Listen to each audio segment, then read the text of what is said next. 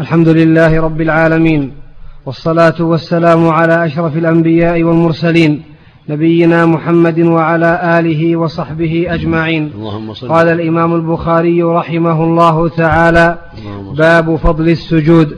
حدثنا أبو اليمان قال أخبرنا شعيب عن الزهري قال أخبرني سعيد بن المسيب وعطاء بن يزيد الليثي أن أبا هريرة رضي الله تعالى عنه أخبرهما أن الناس قالوا يا رسول الله هل نرى ربنا يوم القيامة؟ قال هل تمارون في القمر ليلة البدر ليس دونه سحاب؟ قالوا لا يا رسول الله. قال فهل تمارون في الشمس ليس دونها سحاب؟ قالوا لا. قال فإنكم ترونه كذلك. يحشر الناس يوم القيامة فيقول من كان يعبد شيئا فليتبع فمنهم من يتبع الشمس ومنهم من يتبع القمر ومنهم من يتبع الطواغيت. وتبقى هذه الأمة فيها منافقها فيأتيهم الله فيقول أنا ربكم فيقولون هذا مكاننا حتى يأتينا ربنا. فإذا جاء ربنا عرفناه فيأتيهم الله فيقول أنا ربكم فيقولون أنت ربنا فيدعوهم فيضرب الصراط بين ظهراني جهنم فأكون أول من يجوز من الرسل بأمته ولا يتكلم يومئذ. فأكون أول من يجوز من الرسل بأمته. اللهم صل ولا يتكلم يومئذ أحد إلا الرسل. وكلام الرسل يومئذ اللهم سلم سلم. وفي جهنم كلاليب مثل شوك السعدان. هل رأيتم شوك السعدان؟ قالوا نعم. قال فإنها مثل شوك السعدان غير أنه لا يعلم قدر عظمها إلا الله. تخطف الناس تخطف الناس بأعمالهم. فمنهم من يوبق بعمله ومنهم من يخردل ثم ينجو حتى إذا أراد الله رحمة من أراد من أهل النار أمر الله الملائكة أن يخرجوا من كان يعبد الله فيخرجونهم ويعرفونهم بآثار السجود وحرم الله على النار أن تأكل أثر السجود فيخرجون من النار فك... حتى إذا أراد الله رحمة من أراد من أهل النار أمر الله الملائكة أن يخرجوا من كان يعبد الله فيخرجونهم ويعرفونهم بآثار السجود وحرم الله على النار أن تأكل أثر السجود فيخرجون من النار. فكل ابن آدم تأكله النار إلا أثر السجود فيخرجون من النار قد امتحشوا فيصب عليهم ماء الحياة فينبتون كما تنبت الحب. الحبة في حميل السيل. عندي بفتح الحاء أحسن الله نعم. الحبة التي تبذر تنشا في جانب الوادي وأشباهه فينبتون كما تنبت الحبة في حميل السيل. ثم يفرغ الله من القضاء بين العباد. ويبقى رجل بين الجنة والنار وهو آخر أهل النار دخولا للجنة مقبل بوجهه قبل النار. فيقول يا رب اصرف وجهي عن النار قد قشبني ريحها وأحرقني ذكاؤها فيقول هل عسيت إن فعل ذلك بك أن تسأل غير ذلك فيقول لا وعزتك فيعطي الله ما يشاء من عهد وميثاق فيصرف الله وجهه عن النار فإذا أقبل به على الجنة رأى بهجتها سكت ما شاء الله أن يسكت ثم قال يا رب قدمني عند باب الجنة فيقول الله له أليس قد أعطيت العهود والميثاق ألا تسأل غير الذي كنت سألت؟ فيقول يا رب لا أكون أشقى خلقك. فيقول فما عسيت إن أعطيت ذلك ألا تسأل غيره. فيقول لا وعزتك لا. فما عسيت. فما عسيت إن أعطيت ذلك ألا تسأل غيره. ألا تسأل. ألا تسأل غيره. فيقول لا وعزتك. لا أسأل غير ذلك فيعطي ربه ما شاء من عهد وميثاق فيقدمه إلى باب الجنة فإذا بلغ بابها فرأى زهرتها وما فيها من النضرة والسرور فيسكت ما يشاء ما شاء الله أن يسكت فيقول يا رب أدخلني الجنة فيقول الله ويحك يا ابن آدم ما أغدرك؟ أليس قد أعطيت العهود والميثاق ألا تسأل غير الذي أعطيت؟ فيقول يا رب لا تجعلني أشقى خلقك فيضحك الله عز وجل منه ثم يأذن له في دخول الجنة فيقول تمنى فيتمنى حتى إذا انقطع أمنيته. قال الله عز وجل من كذا وكذا أقبل يذكره ربه حتى إذا انتهت به الأماني قال الله تعالى لك ذلك ومثله معه قال أبو سعيد الخدري لأبي هريرة رضي الله تعالى عنهما إن رسول الله صلى الله عليه وسلم قال قال الله لك ذلك وعشرة أمثاله. قال أبو هريرة رضي الله تعالى عنه لم أحفظ من رسول الله صلى الله عليه وسلم إلا قوله لك ذلك ومثله معه. قال أبو سعيد رضي الله تعالى عنه إني سمعته يقول ذلك لك وعشرة أمثاله.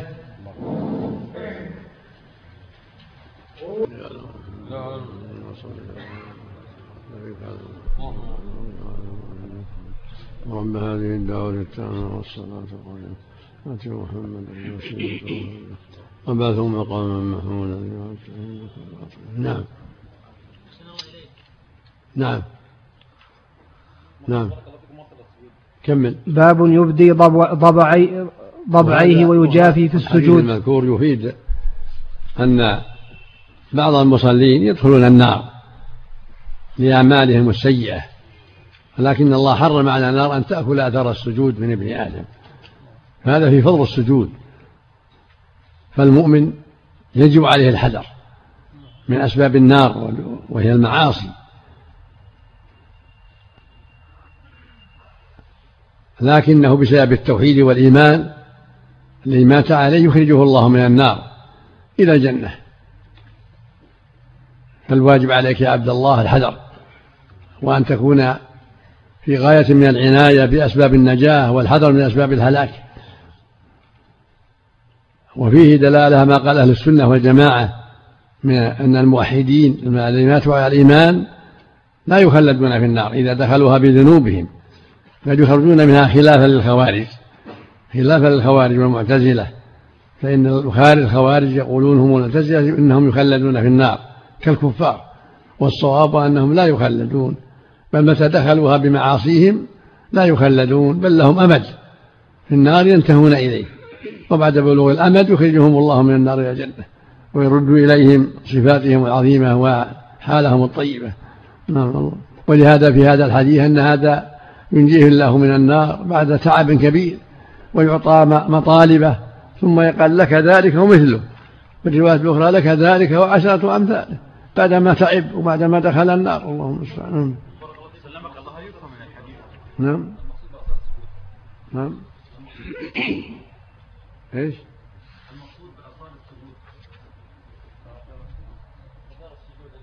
جبهة والأنف نعم. سلمك الله يفهم من ذلك أن غير المصلين لا يخرجون من النار حتى وإن كانوا موحدين؟ لا لا ما ما, ما, ما مفهوم. الموحد إذا مات على التوحيد وله معاصي. يعني إذا ترك الصلاة عمدا هذا الأصح أن كفر أكبر نسأل الله العافية. باب نعم. يخلد في النار نعم. تارك الصلاة عمدا. إذا على قول بأنه كفر أكبر كما هو ظاهر الحديث بين الرجل وبين الكفر والشرك ترك الصلاة. نسأل الله العافية. نعم. لكن عفى الله عنك إذا كان آخر من يخرج منها من أهل السجود. إيه. هذا يدل على أن من ليس من أهل السجود لا يخرج. إيه. من لم يكن من أهل هذا من من حجة الكفرة من حجة تكفير تارك الصلاة. نعم نعم, نعم. نعم. ترك تساهلا أحسن الله تكاسلا هذا هو هذا هو محل الخلاف لكن الصواب أنه يكفر. أما إذا جحد وجوبها إجماع. إذا جحد وجوبها فقد أجمع العلماء على كفره.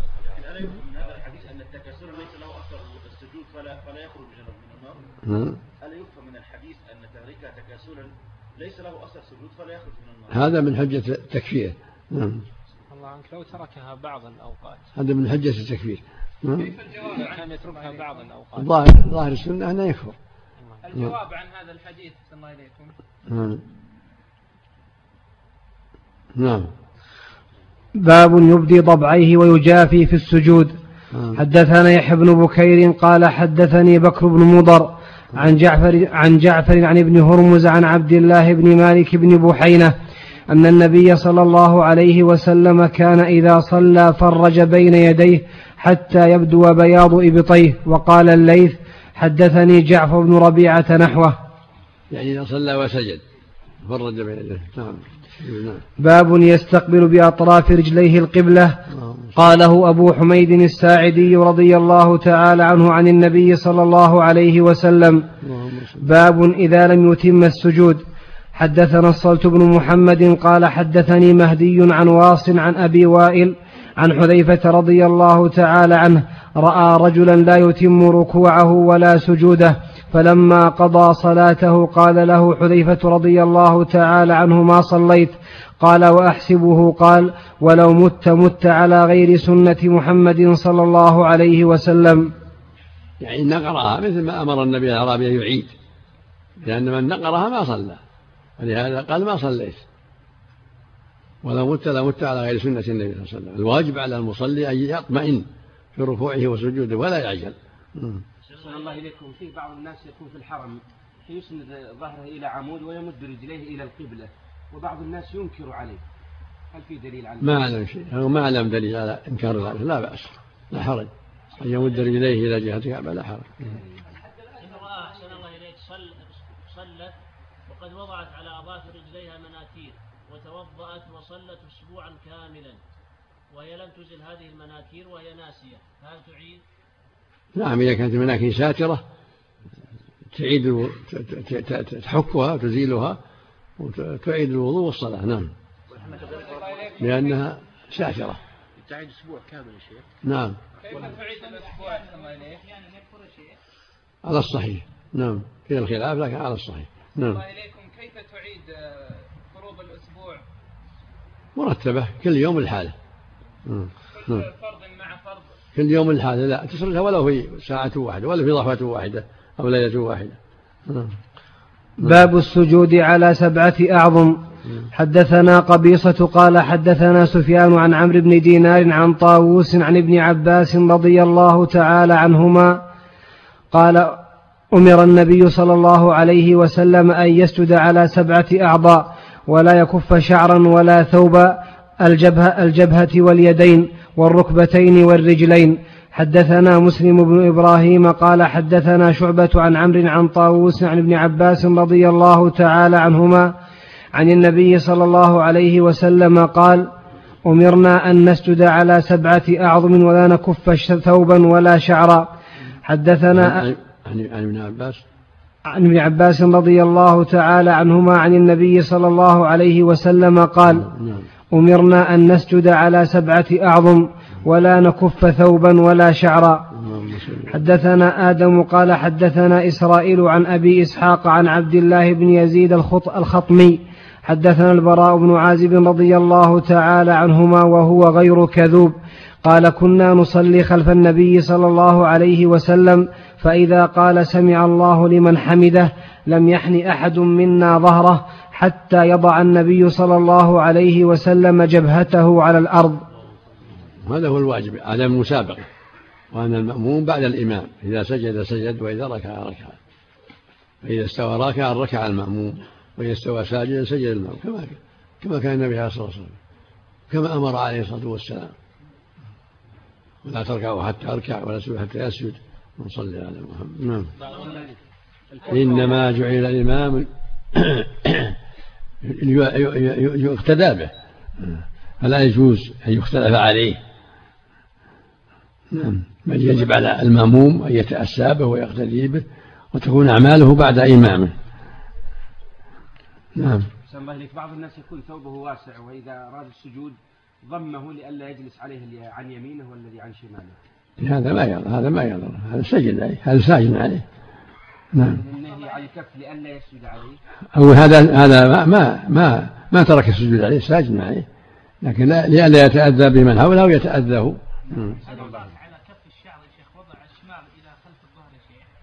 إي نعم لا هل الاشماغ على حاله نعم. سلمك الله. معنى كون النبي صلى الله عليه وسلم إذا مت على ذلك لم تمت على سنة محمد. يقول حذيفة. يقول حذيفة. حذيفة رضي الله اي نعم هذا يحصل. إيش؟ بعض المصلين يرفع ربما يرفع بعض رجليه في السجود. إذا صلى يعتمد على أصابعه. لابد من ارفع اذا رفع ما صح السجود. لابد يعتمد على بطون أصابعه في رجليه.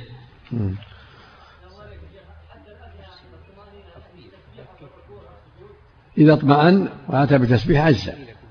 والسنة ثلاثة أكثر. والواجب مرة. نعم. الطمأنينة ركن لا بد منه والتسبيحة واجبة نعم. إذا لم يضعها ما له السجود حتى يضعها. لكن لو وضعها بعض إذا وضعها بعض الوقت لكن لا يرفع, لا يرفع قبل إمامه.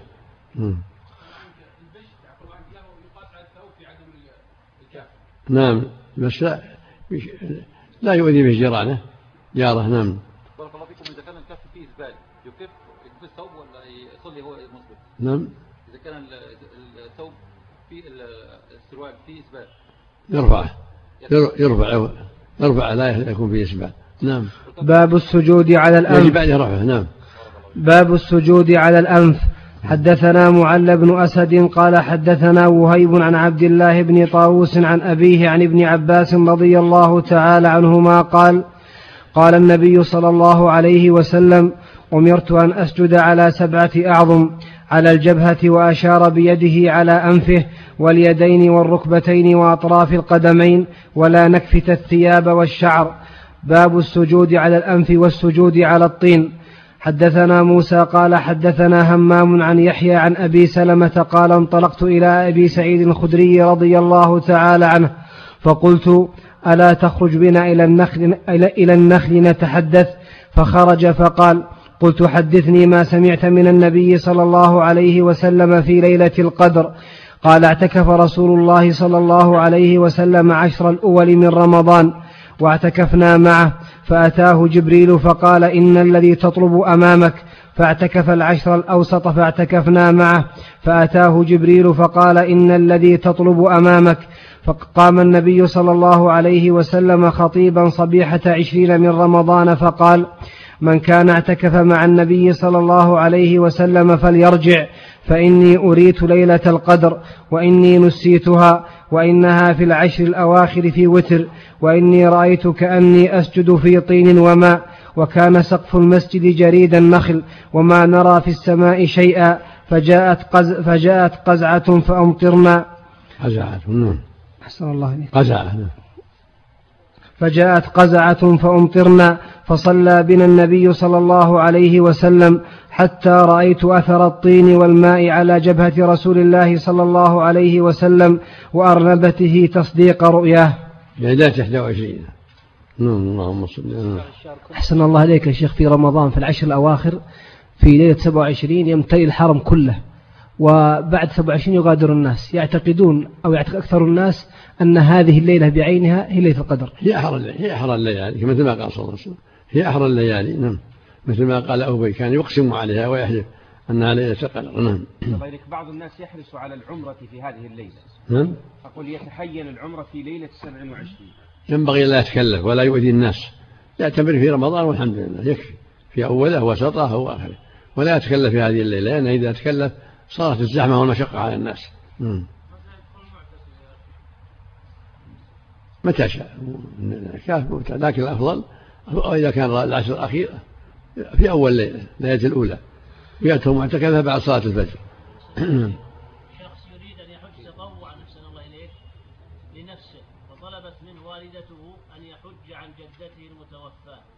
فهل الأفضل يحج عن نفسه أو يطيع والدته ويحج عن جدته؟ يطيع والدته ويحج عن جدته ويبشر بالخير يرجى له أجر الحجة.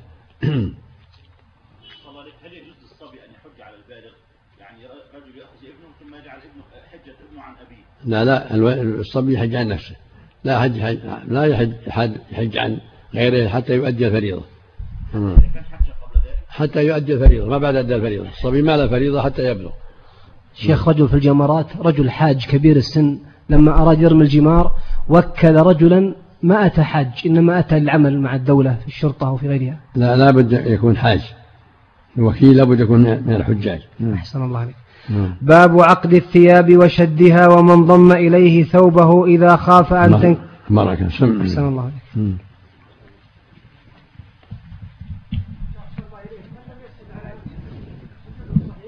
نعم. نعم. نعم لا ما له حتى يسجد على الأنف. الجبهة والأنف عضو واحد. هو أحد الأعضاء السبعة. نعم.